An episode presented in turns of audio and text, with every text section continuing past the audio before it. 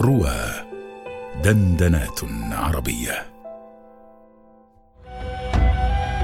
صحح لغتك بالقرآن مع محمود سلام أبو مالك. الموسم الثاني على رواه.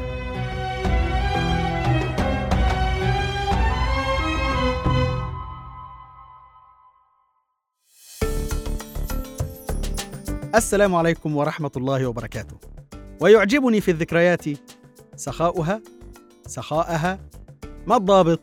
ما القاعدة؟ هذا هو السؤال الذي تركناكم معه وطلبنا أن تحصلوا على إجابته من القرآن الكريم. ولقد وصلتم، ولقد بينتم، ولقد ذكرتم الآيات.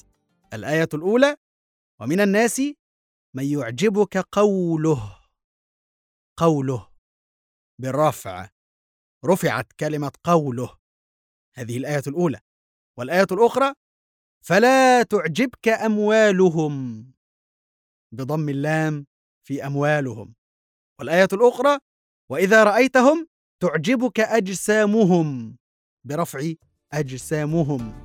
ها كل هذه الآيات كل هذه شواهد على رفع ما بعد تعجبهم. صحيح؟ تعجبك ها؟ كل هذا يعجبك فما بعده مرفوع. إذا نقول تعجبني أو يعجبني في ذكرياتي سخاؤها هو الذي سيعجبني هو الفاعل.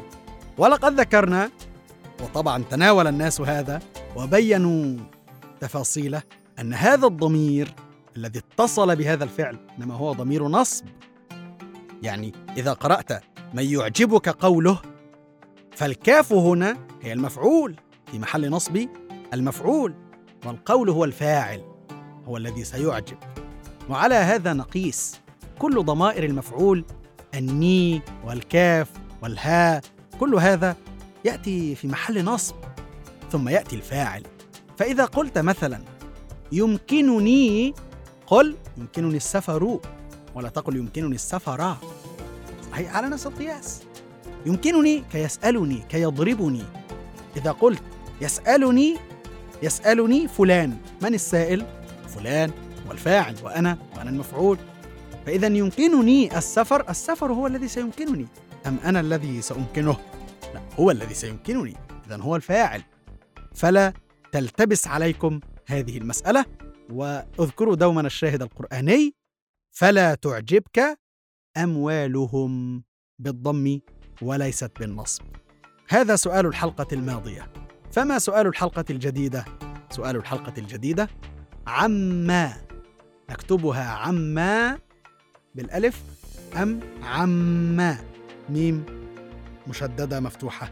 يعني نثبت الألف أم نحذف الألف؟ هذا هو السؤال الذي أرجو أن تصلوا إلى الإجابة عنه من خلال القرآن الكريم. أنتظركم إن شاء الله أنتظر إجاباتكم ومحبتي لكم محمود سلام أبو مالك.